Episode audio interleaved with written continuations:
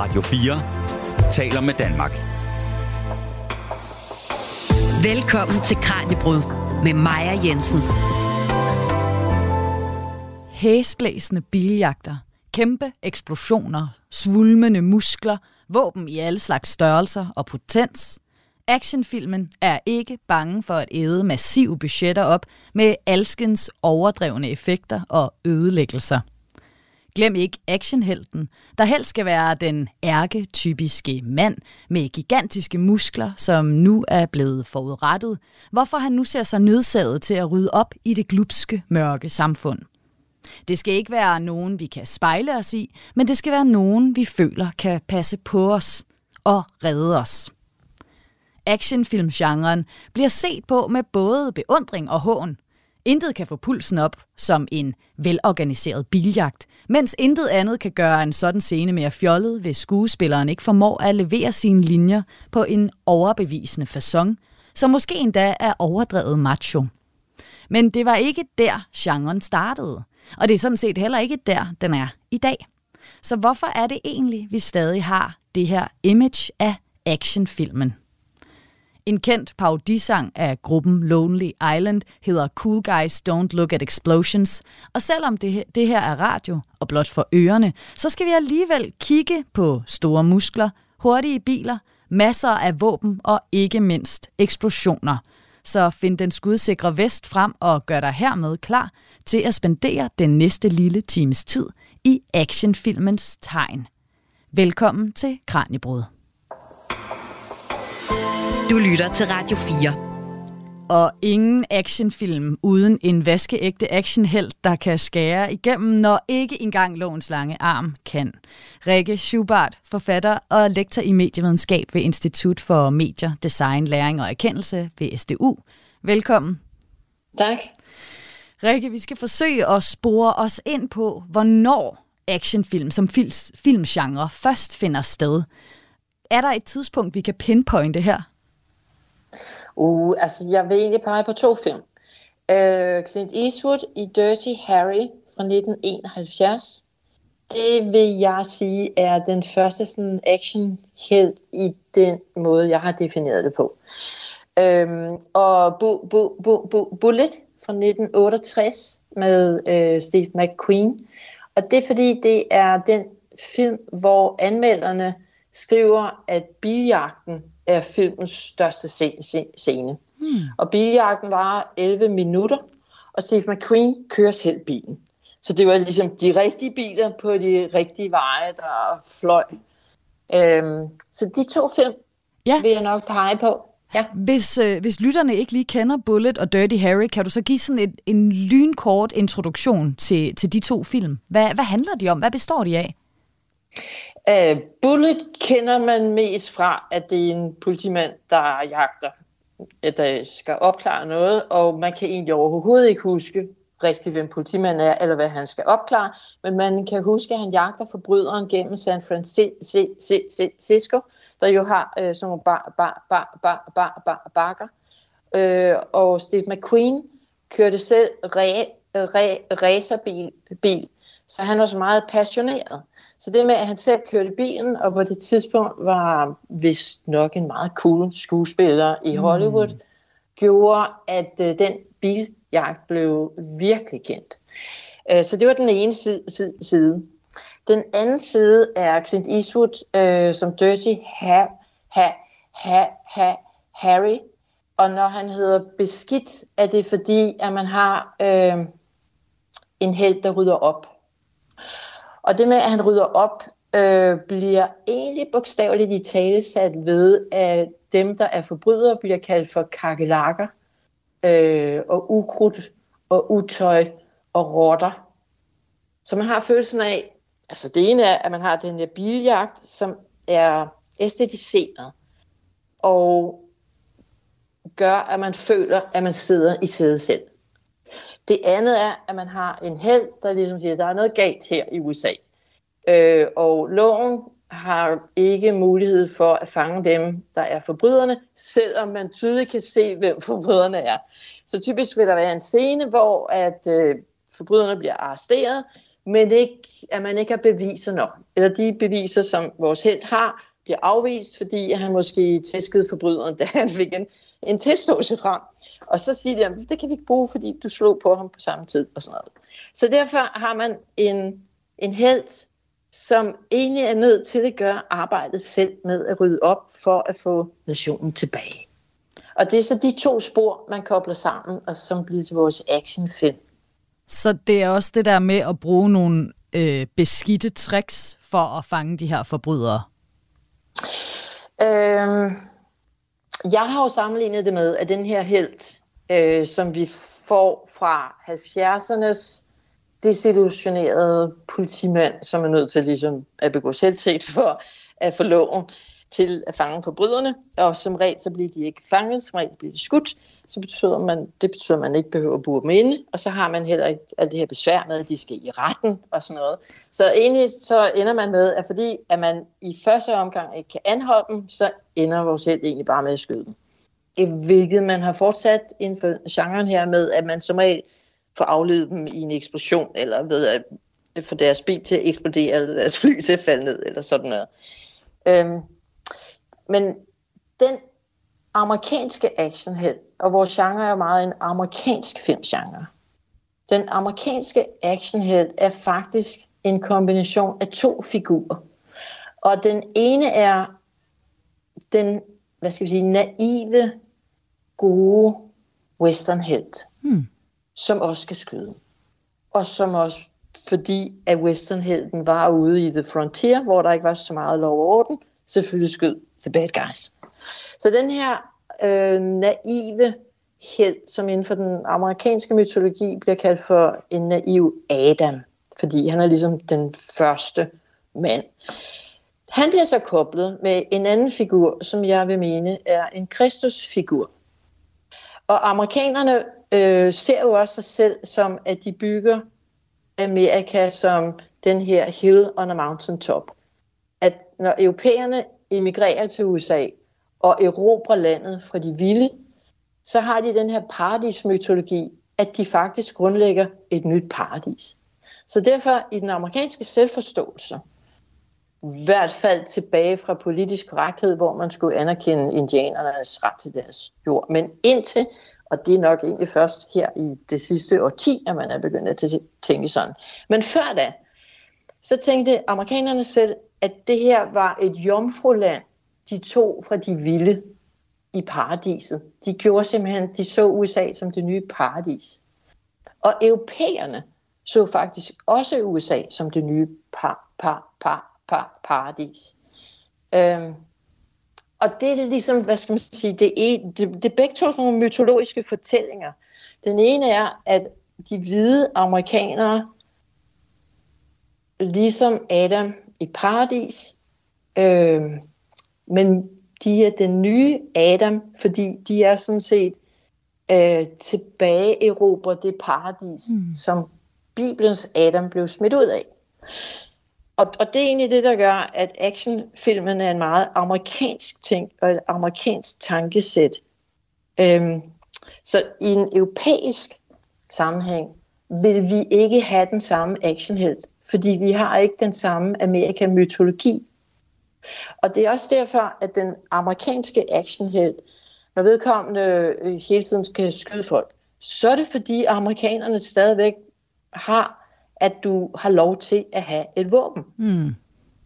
Fordi det er essentielt i den amerikanske selvforståelse, at man har lov til at forsvare sig, hvis man bliver invaderet i sit hjem eller på overfald på gaden. Så egentlig har amerikanerne simpelthen et meget mere kristent, mytologisk, nationalistisk forhold til vold, som, som dermed er den grobund, som den amerikanske actionfilm springer ud af. Nu har vi talt lidt om actionhelten, og hvis vi så ser ja. på øh, hvis vi ser på Dirty Harry igen her, så er ja. Clint, Clint Eastwood i den her rolle som Harry er så kendt for den her linje Do you feel lucky punk? Altså, det er sådan en karakter, han har kontrol over situationen, og han lader sig ikke kue, men han er ikke denne her muskuløse actionhelt, som man måske i dag forbinder med genren, eller at man i hvert fald har gjort. Hvornår bliver denne her mere øh, muskuløse actionhelt øh, karakter introduceret? Altså 70'erne vil jeg sige, var kendetegnet af en held, der egentlig havde ligesom rødder i en westernhelt. Og en westernhelt var selvfølgelig, gik ikke til fitness og havde, var ikke mus, muskuløs. Øhm, så egentlig øh, i, i actionfilm i 70'erne er helten tit ligesom høj og ranglet og luder lidt. Og sådan en, man kunne forestille sig at hænge over en bar chain. Ja. Og ligesom, øh, men er god til at skyde for eksempel. Ikke? Øhm, og den muskuløse held kommer med øh, Sylvester Stallone og Arnold Schwarzenegger, som Sylvester Stallone starter øh, med øh, at være kendt fra Rocky fra 1976, hvor han jo er en øh, bo, bo, bo, bo, bo, bo, bo, bo, bokser. Men øh, det, der var med den film, var, at Sylvester Stallone øh, med sin egen krop havde trænet sig selv op. Øh, og i 1982 kom så First Blood, hvor han har den her øh, krop, vi tænker på nu, som er en bodybuilder fitness krop. Og hvis vi nu øh, tager øh, Terminator, som vi snakker er den anden film, jeg har sat på, den er fra 1984. Og der har vi jo den her muskuløse krop, som Arne Schwarzenegger på det tidspunkt mener jeg både havde været Mr. Universe mm. og Mr. et eller andet andet. I hvert fald var han på det tidspunkt verdens mest kendte bodybuilder. Øh, så den bodybuildede krop kommer i hvert fald efter 1980. Altså den, den er på vej, men i 80'erne skifter fokus fra, at actionhelten var den her western type, ranglede høj og ikke specielt muskuløs, og havde typisk også tøj på, så man ikke kunne se hans krop, til at det bliver ligesom den, den trænede mandekrop, som selvfølgelig derfor også skal være klædt af, så vi kan se kroppen. Og typisk er en situation, hvor vi er ude i det vilde, og der ikke er noget tøj, eller man er en robot, der kan gå rundt, og tøjet bliver brændt af, så man kan se de der muskler. Øhm, men pointen er, med den bodybuildede krop, vil jeg sige, at vi faktisk flytter fra, at det ikke længere er den der western helt. Altså det er ikke længere, hvad skal vi sige, den kyniske, mere realistiske amerikanske held, men vi går faktisk over i en ny mytologisk held, som der ikke er set før. Mm. Og Arne Schwarzenegger selv er egentlig en rigtig interessant person, fordi uh, fra man havde en idé om, at jo større muskler en mand har, jo dummere er han nok, så er Arnold Schwarzenegger faktisk utrolig begavet øh, og var businessman og havde læst på, hvad der svarer til CBS og købte real estate og blev gift med en øh, Kennedy-kvinde øh, og har jo gjort sig i politik. Men dybest set så forenede han at faktisk være øh, klog, intelligent, ultrakonservativ øh, og have fordyrket sig til at have verdens mest øh, muskuløse krop. Man kan så diskutere, Altså det, med, det han vandt var jo, at han måske ikke havde den største krop, men han havde de pæneste muskler. Hmm. Men den her actionheld, det er jo måske hjertet af actionfilmen. Det er i hvert fald drivkraften, det er retfærdigheden og samfundet, det ikke kan leve op til sit potentiale eller beskytte sine borgere. Men hvad der helt nøjagtigt kendetegner både actionhelten og ikke mindst genren, det ser vi nærmere på nu. Du lytter til Kranjebrud på Radio 4. Mit navn er Maja Jensen, og med mig i dag har jeg Rikke Schubert, lektor i medievidenskab og forfatter. Og det handler om actionfilmen som genre, hvor vi nu skal tage fat i, hvilke kendetegn genren den består af. Og Rikke, jeg kunne godt tænke mig at spørge dig, hvad er det første, du tænker på, når vi snakker action-kendetegn? Altså, det første er jo action-scenen. Øh, og action har man brugt om film før 1971. Men man har mere brugt det om der, hvor der skete noget. Med actionfilmen sker der egentlig det, at den action-scene, hvor der sker noget, bliver filmens mest centrale scene. Øh, og instruktørerne har blandt andet sagt, at øh, actionfilmen er designet omkring action-scenen på samme måde som en musical er designet rundt om sine sang og danse scener. Så det kan godt være, at der kun er én scene med, eller der kan være mange. Hmm. Men hele, hele filmen er bygget op til, at den kommer. Og den her action-scene kan være en biljagt, øh, det kan være en slåskamp. Øh, Bruce, Bruce Lees øh, film for eksempel er meget designet rundt om hans kampe, øh, og han koreograferede dem også selv.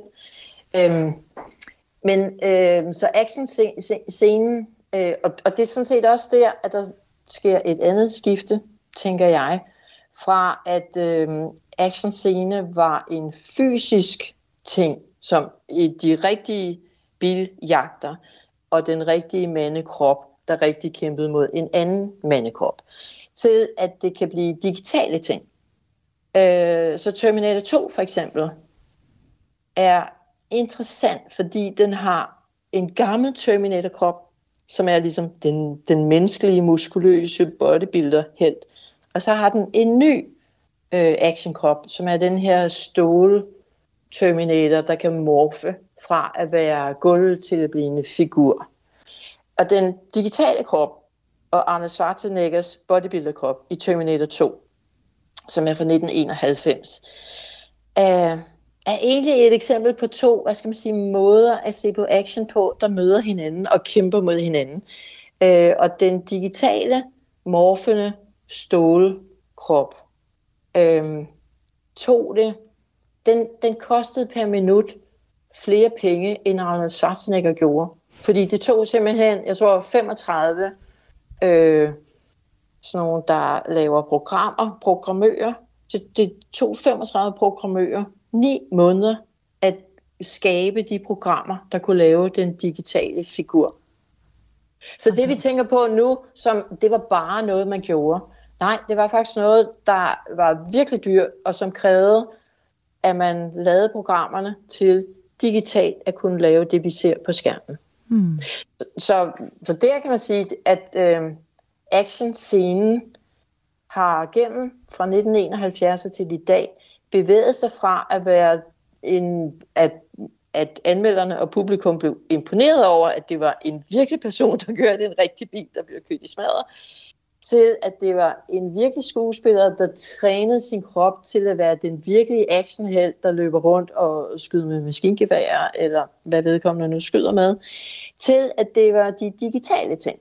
Mm. Og jeg tror, at når man når den her digitalisering af actionscenen, som man gør fra 1991 og frem, så får man ligesom nye helte, som ser ud på andre måder, fordi nu kan man digitalt lave det alt sammen. Så i, altså blandt andet så får man den komiske held, og man, altså man har andre typer ting.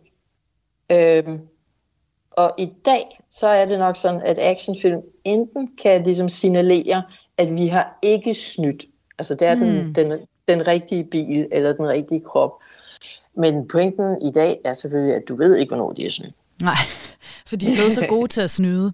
Og, ja. øh, og i dag, de mere moderne actionfilm, dem vender vi også tilbage til øh, lidt senere. Men jeg kunne godt tænke mig at snakke lidt mere om de her store muskler, Rikke. Fordi, hvordan kan ja. det være, at kroppen den er så central i actionfilm?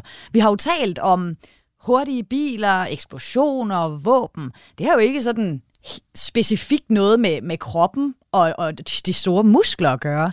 Hvor, ja. Hvorfor er den her krop så central? Og der tror jeg egentlig, vi er tilbage i det mytologiske. Øh, fordi det, jeg talte med, at actionhelten er den amerikanske nye Adam, øh, og dermed en, en kristen mand. Og westernhelt, hvor man jo også forestillede sig, at det er en mand som Western Head, der bryder rundt, og er Shane og sheriff. Øh, så bliver det igen, at actionhelten faktisk er øh, et billede på maskuliniteten. Og netop fordi, at helten er et billede på den amerikanske maskulinitet, så bliver mandekroppen ved med at være ret central. Hmm. Øh, så i hvert fald som regel, hvis vi kigger med et stort blik på actionfilm, så er det aldrig en specielt intelligent actionhelt. Det er ikke sådan, at vedkommende er meget klog, som øh, øh, kan løse ting, eller regne ting ud, fordi actionfilm er egentlig karakteriseret ved, at der er noget, du skal regne ud. Det er aldrig et mysterium, hvem skurken er. Der er egentlig aldrig noget, der skal opklares. Så det er egentlig bare, at du ser et problem, og actionhelten træder ind på scenen, og så skal problemet løses. Øhm, og, og det er så faktisk noget, jeg lagde mærke til, da jeg skrev øh, om den her actionfilm, det er, at det er som regel en mand. Ja. Øhm, og, og og så kan man, øh, og, og det er fordi i den amerikanske kontekst er øh, magten noget, som mænd etablerer. Så hvor vi kan tale om patriarkatet, øh, og tale om det som et slags abstrakt system, så for amerikanerne har magtsystemet faktisk altid været mænd. Fordi at det bygger på, at øh, magt er noget, man tager fra andre, fra indianerne, eller hvem man tager det fra, og så deler man det med hinanden, og så er kvinder egentlig noget, der skal reddes. Øh, og det her kvindesyn, man kan sige, at den amerikanske actionhelt er lidt hævet over det her kvindesyn, i og med, at han som regel er en enegænger. Øh, og hvis han har familie, er han som regel blevet skilt, fordi konen er gået. Øh, men hvis vi vender tilbage til det med øh, kroppen, øh, så den amerikanske actionhelt har en krop, der egentlig har to funktioner. Den ene funktion er, at det er en professionel krop. Øh, så westernhelten var for eksempel god til at skyde. Men den her professionelle krop kan være en martial arts krop, eller det er, en, det er en krop, der ligesom kan noget specielt. Så selv John Wick og Neo i The, Maid The Matrix kan jo martial arts. Øh, men hvad kroppen kan, er gerne, at den kan noget, der kan ligesom, dræbe modstanderen. Det andet er, at actionkroppen også er en krop, der bliver til beskuelse. Og for nu at gribe tilbage til det kristne, så er Kristus jo en mandekrop, man ser meget til beskuelse hængende på korset.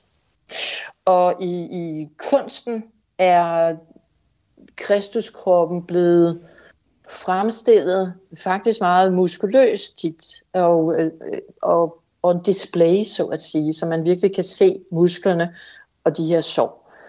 Og den klassiske actionheltekrop, og jeg har sat Rainbow First Blood Part 2 som en af de fem film, jeg vil pege på. Det, øhm, altså, Sylvester Stallone blev kendt for, at han var sådan en underdog, der altid skulle have en frygtemæstisk. Og efter han havde fået det, så kunne han så gøre, hvad han nu skulle. Øh, vinde en boksekamp, eller møve modstanderne ned med maskinpistol. Øh, men det her med, at man skal se, at han bliver tortureret, så man kan se, at han vrider sig i sådan en ekstase. Og den her ekstase i smerte er ofte med tråde tilbage til Kristus på korset. Og der griber man egentlig fat i en kristen mytologisering af den mandlige krops ledelse, som også har kvindelige, øh, har fem, feminister blandt andet skrevet om, er sådan et masochistisk ideal. Mm. Altså, så det er egentlig, når actionhelten i 80'erne får den her pumpede krop, der lider og er til beskuelse, så er det ikke kun en bodybuilder, moderne ting. Det er også en meget mytologisk ting, vi ser i kunsten, og som går flere tusind år tilbage. Og det er en af grundene til, at det er en mands krop. Mm. Og, og ikke er en kvindes krop. Det er, at, at det er en flere tusind år gammel mytologi. Ja. Og nu nævner du Rambo First Blood Part 2, og det er en af de film, som vi skal se nærmere på nu, når vi skal tale om nogle af action-genrens hovedværker. Radio 4 taler med Danmark og vi er i fuld gang med Kranjebrud, som i dag handler om filmgenre. Det gør det hele ugen faktisk, og vi beder alle vores gæster om at komme med et bud på fem hovedværker inden for den genre, de er i studiet for at fortælle om. Rikke Schubart, lektor ved Institut for Medier, Design, Læring og Erkendelse på SDU. Nu handler det jo om actionfilmen i dag. Og jeg har noteret, at vi begynder vores femværkers øh, anbefaling her med Dirty Harry fra 71. Og vi har jo allerede øh, talt lidt om Dirty Harry, og det er også at her, at, at genren den for alvor begynder at tage form. Så det giver god mening, at vi starter med den. Men, men er der andre grunde til, at du har valgt Dirty Harry som den første på, på listen over de fem hovedværker? Ja, altså, øh, det er, grunden er, at øh, den etablerer den første actionhelt, øh, og Dirty Harry har en held, der egentlig trækker tråd tilbage til westernhelt, og samtidig er en moderne pol- poli- politi- politimand, øh, og som er den første actionheld, der bliver til en serie af film. Altså, så han er også en, der øh, som figur øh, rammer tiden, og så bliver der lavet flere film. Og man var ikke klar over, da man lavede den film. Den lavede man som en standalone film. Men så fandt man ud af, at den kunne der komme flere af. Øhm, så det var grund til, at jeg har valgt den som, som num, num, num, num, nummer, nummer et. Og så er der Terminator fra 82, og der har vi talt lidt om, om Terminator og, øh, og også øh, nummer to. Men Arnold Schwarzenegger i den her rolle som Terminator-robotten er jo faktisk ikke helten, men skurken. Så hvem er helten i Terminator? Det kan man sige, det er, det, det, man tænkte, da man lavede filmen, og han, øh, svar, svar, Schwarzenegger øh, fik tilbudt rollen øh, som fil, filmens held, men han øh, sagde, at han ville gerne spille filmens skurk, hvilket var meget, meget klogt. Øh, fordi at han synes, at den rolle var den bedste. Og det, der skete, kan man sige, er nok, at den, øh, den figur der havde den største krop og lavede den meste vold, var den, som publikum bedst kunne lide. så derfor var det, at skurken blev til helt i Terminator 2. Øhm, og, og, og så, altså, grund til, at han blev tilbudt rollen som helt og ikke som skurk, var, at instruktøren tænkte, at robotten jo godt måtte være slank. Fordi det var jo en robot. Mm. Så den var lavet af stål, så det behøvede jo ikke være muskuløs. Øhm, og der var Schwarzenegger jo klog i og med, at han tænkte, mm, altså folk kan godt lide muskler, og folk kan godt lide robotter, så hvis vi nu smækker de to ting sammen, så har man robotten. Øhm, og man har også den type held, som jeg har kaldt for stålhelt, held, held, helten. Øhm, og, og hvad der karakteriserer øhm, Terminator-figuren i modsætning til øhm, Rambo, er, at han ikke på samme måde er en Kristusfigur. Altså det er en anden type mytologi. Mm. Man, man kan sige, det er næsten sådan en Nietzsche-mytologi om et ybermensch. Altså om en, der øh, gør sig bedre end andre, snarere end en, der ligesom offrer sig for andre. Jeg står også og tænker på, at Terminator-filmen også har sådan nogle sci-fi elementer. Altså er der tit en, en blanding af de to genrer, actionfilmen og sci-fi-genren, eller andre øh, genrer, der bliver blandet sammen? Ja, det må man sige. Altså efter 70'erne, som var realistiske og forankret i et USA, der ligesom havde brug for en held. Fordi at USA i 70'erne var i, hvad der blev set som et mytologisk kollaps. Kennedy var blevet skudt, Vietnamkrigen øh, blev tabt, øh, og i 1974 trak amerikanerne sig ud, og der havde de der i 70'erne en halv million soldater øh, ude. Så det var ligesom det store kollaps. Og i 70'erne blev USA ligesom set på det land, der ikke var verdens bedste land og et paradis på jord, som øh, verdens største skurk. Og et sted, der ligesom øh, ikke, ikke, ikke engang kunne redde sig selv. Så i 80'erne, øh, Ronald Reagan var præsident fra 1980 til 1988. Og 80'erne blev ofte set som sådan et sted, der fik remytologiseret USA. Og Ray, Reagan, og det ved jeg ikke, om folk ved nu, men han var jo western skuespiller. så han var jo ligesom kendt som et B-skuespiller, der ikke lavede særlig godt tv eller film, men blev præsident og blev valgt to gange. Øhm, så i 80'erne har man, og nu synes jeg egentlig også, at jeg er kommet lidt ud på et tidsspur, men i hvert fald i 80'erne har man, at, øh, at actionfilmen, både med Rambo og med Rocky, øh, får en held, der kæmper ikke for at, øh, hvad skal jeg sige, at samle skidtet op i storbyen, men for at redde USA's ære. Så øh, Sylvester Stallone som Rambo bliver fra First Blood, hvor han er en Vietnam-veteran, der kommer hjem og ikke får anerkendelse for, at han har kæmpet for sit land. I 1985 blev han jo sendt til Vietnam for at finde ud af, om der er amerikanske soldater tilbage. Og så siger han jo, da han bliver valgt ud til den her mission, så siger han, Sir, do we get to win this time? Og hans gamle chef siger, this time it's up to you og det her med, at den, øh, den amerikanske actionheld, ene mand kan genmytologisere sit land. Så ene mand kan den her held med selvtægt redde en nations ære. Det er det skifte, som man får fra 1970'erne til 1980'erne.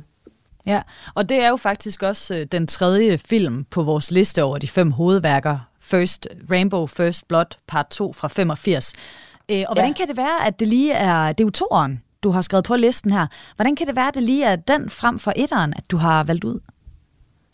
Jamen, jeg vil egentlig sige, at First Blood ikke rigtig er en actionfilm. Den er mere indlederen til Rambo, som bliver en actionfilm.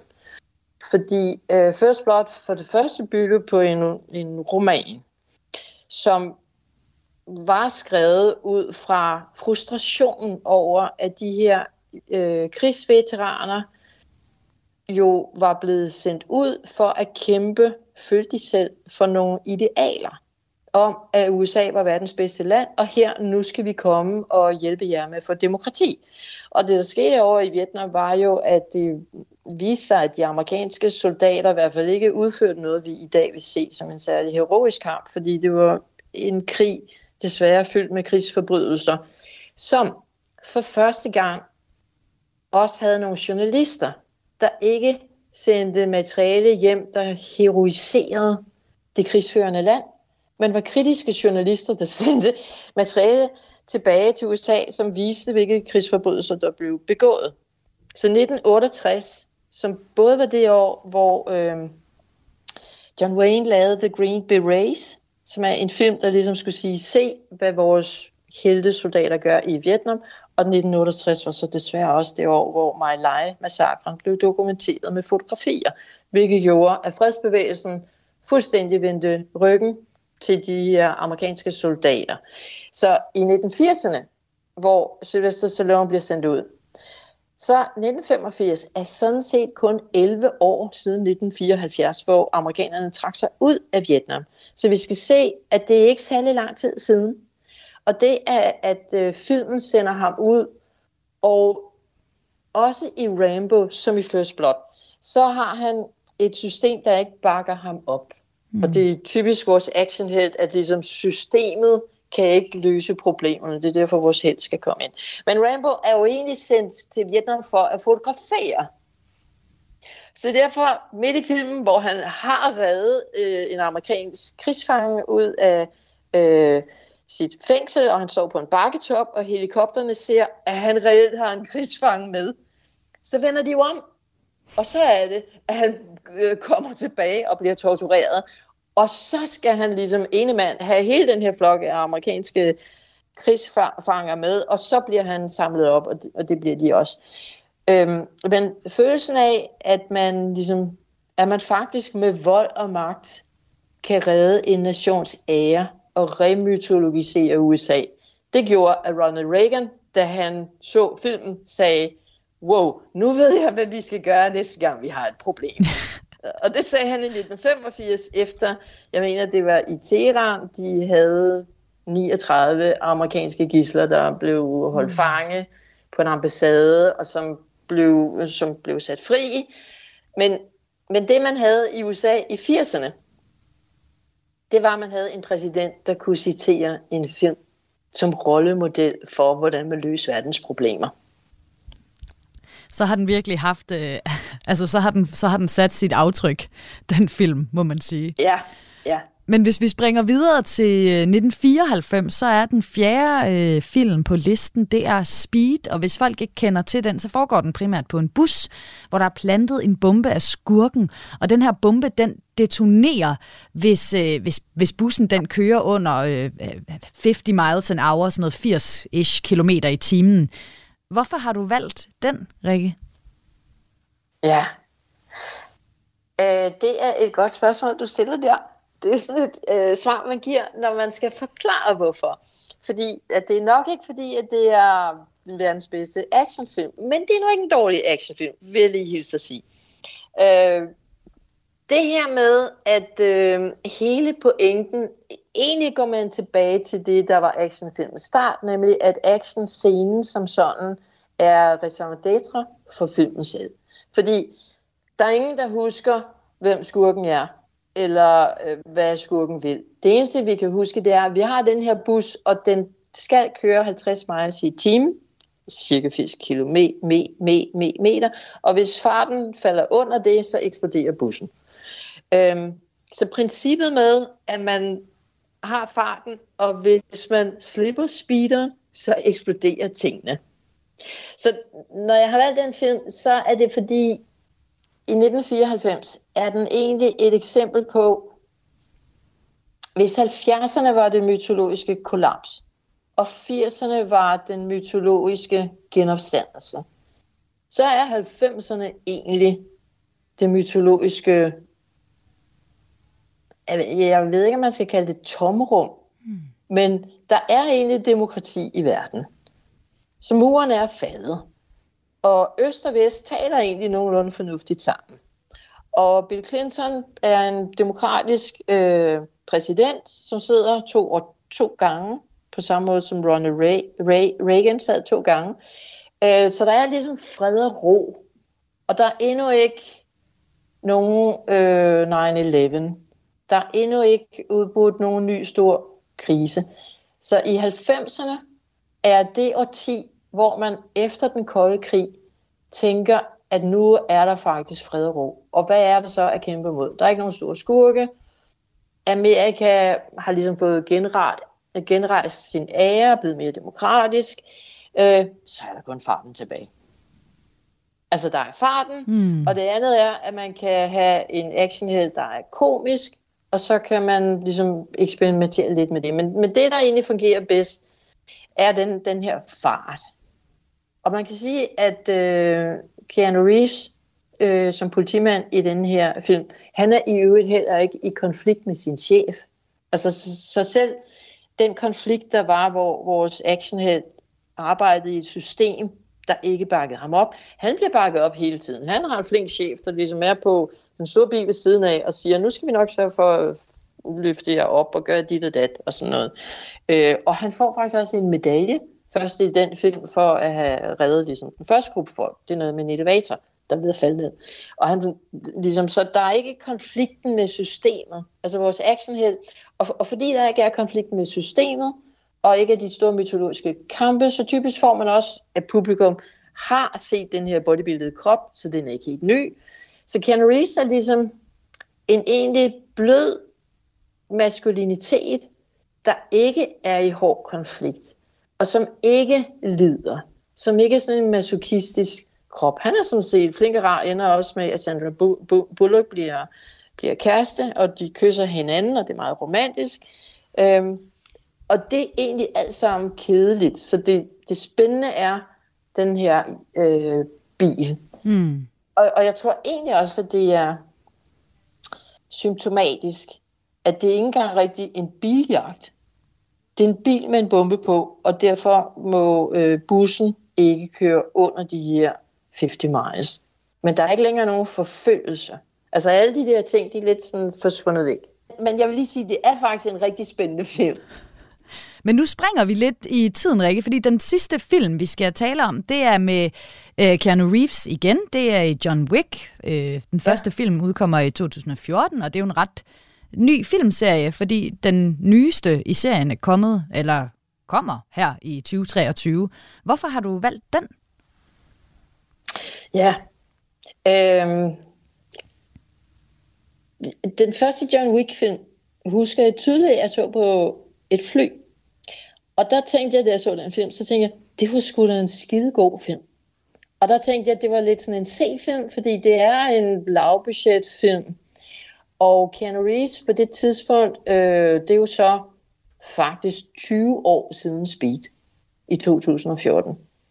Så i Speed er han ligesom en, en, en ung politimand, og i øh, John Wick er han en, øh, en legemorder, der har trukket sig tilbage.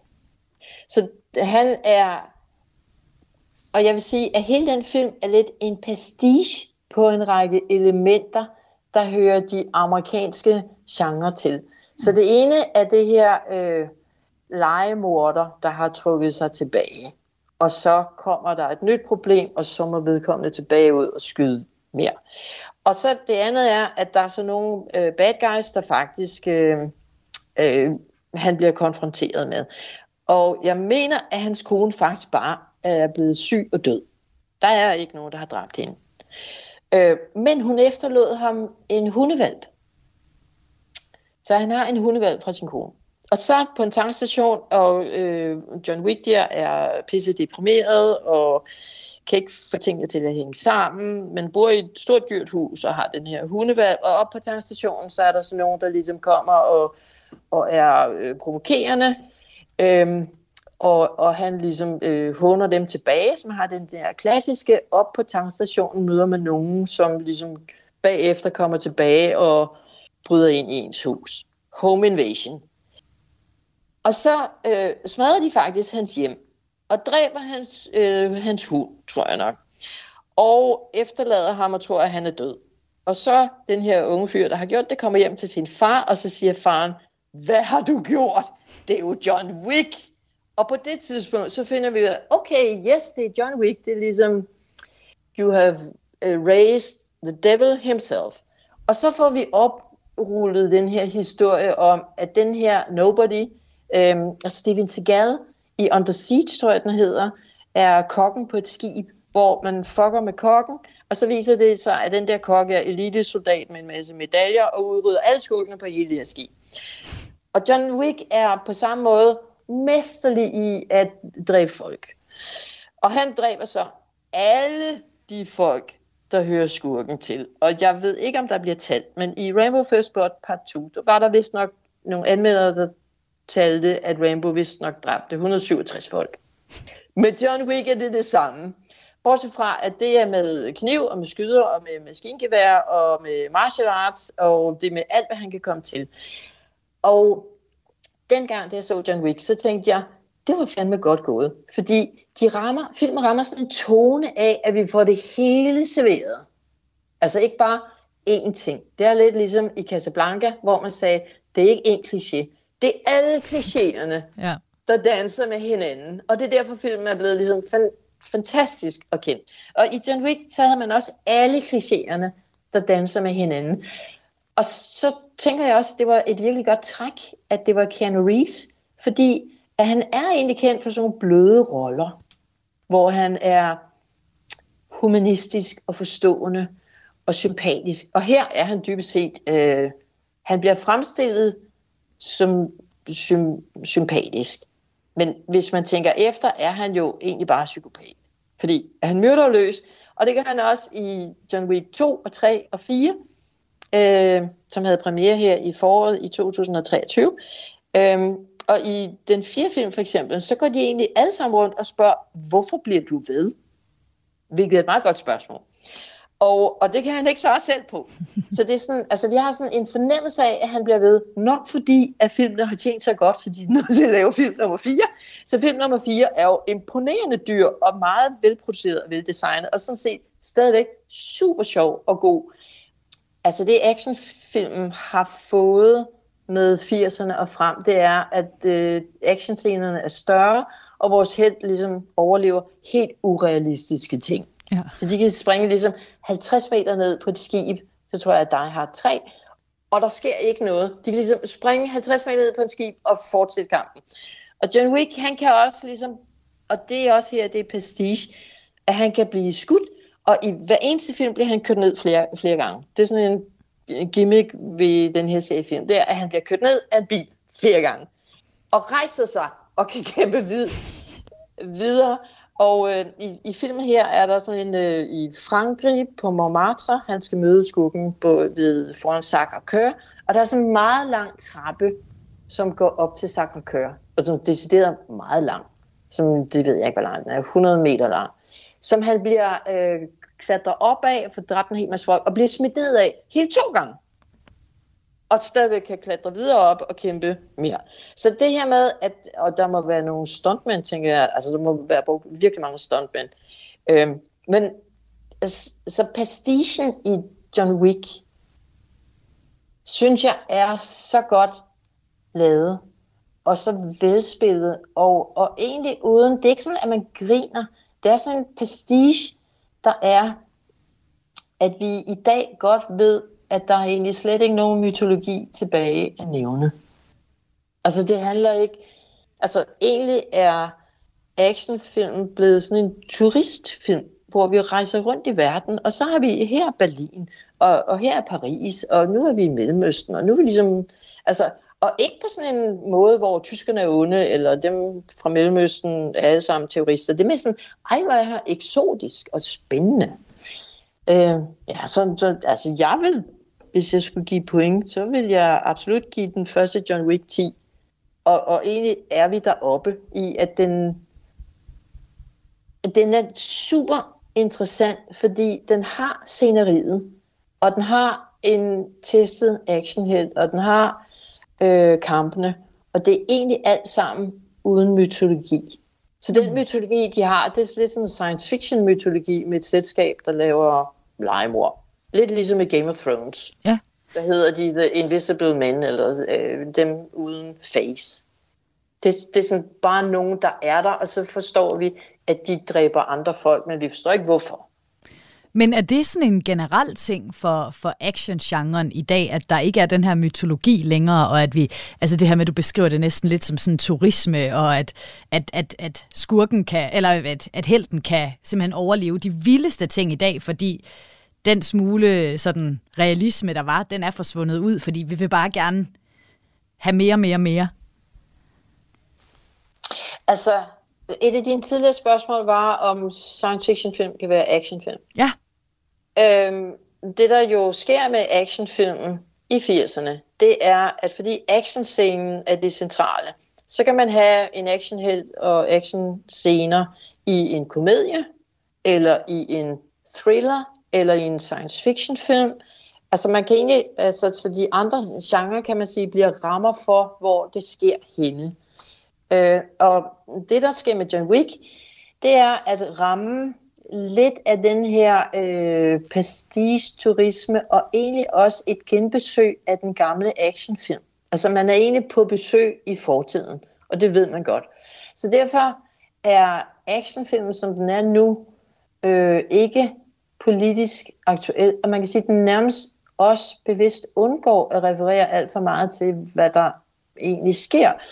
Og det er ikke fordi, at øh, film ikke siger noget om den politiske samtid, men man kan sige, at det er måske ikke actionfilmen nu, der siger noget. Det er måske krigsfilm eller dramaer.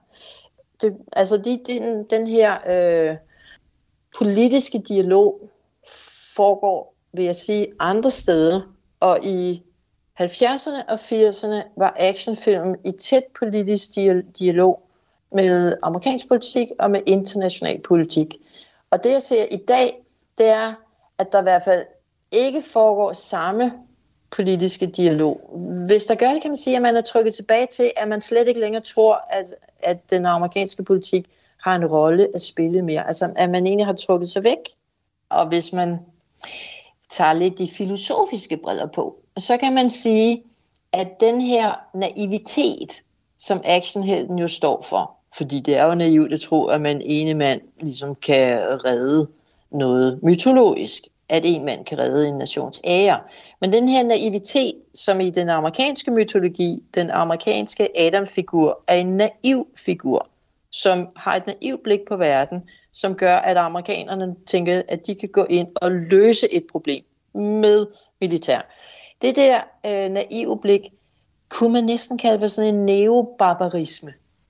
Det er, at det ikke er sådan, at vi skal forstå tingene. Vi skal egentlig helt tilbage til, at man bare udrydder det, der skal udryddes. Og at det er vold egentlig som en æstetik, og politisk set som sådan en neobarbarisme. Hmm. Altså ikke noget intellektuelt eller noget klogt, og ikke engang længere noget nationalt. Det bliver altså den sidste eksplosion herfra. Rikke Schubert, lektor i medievidenskab og forfatter. Tak fordi du havde lyst til at gøre os klogere på action-genren i dag. Tak, og tak for, at jeg måtte være, være med. Mit navn det er Maja Jensen. Kranjebrud er produceret af Videnslyd for Radio 4. Tusind tak, fordi du lyttede med.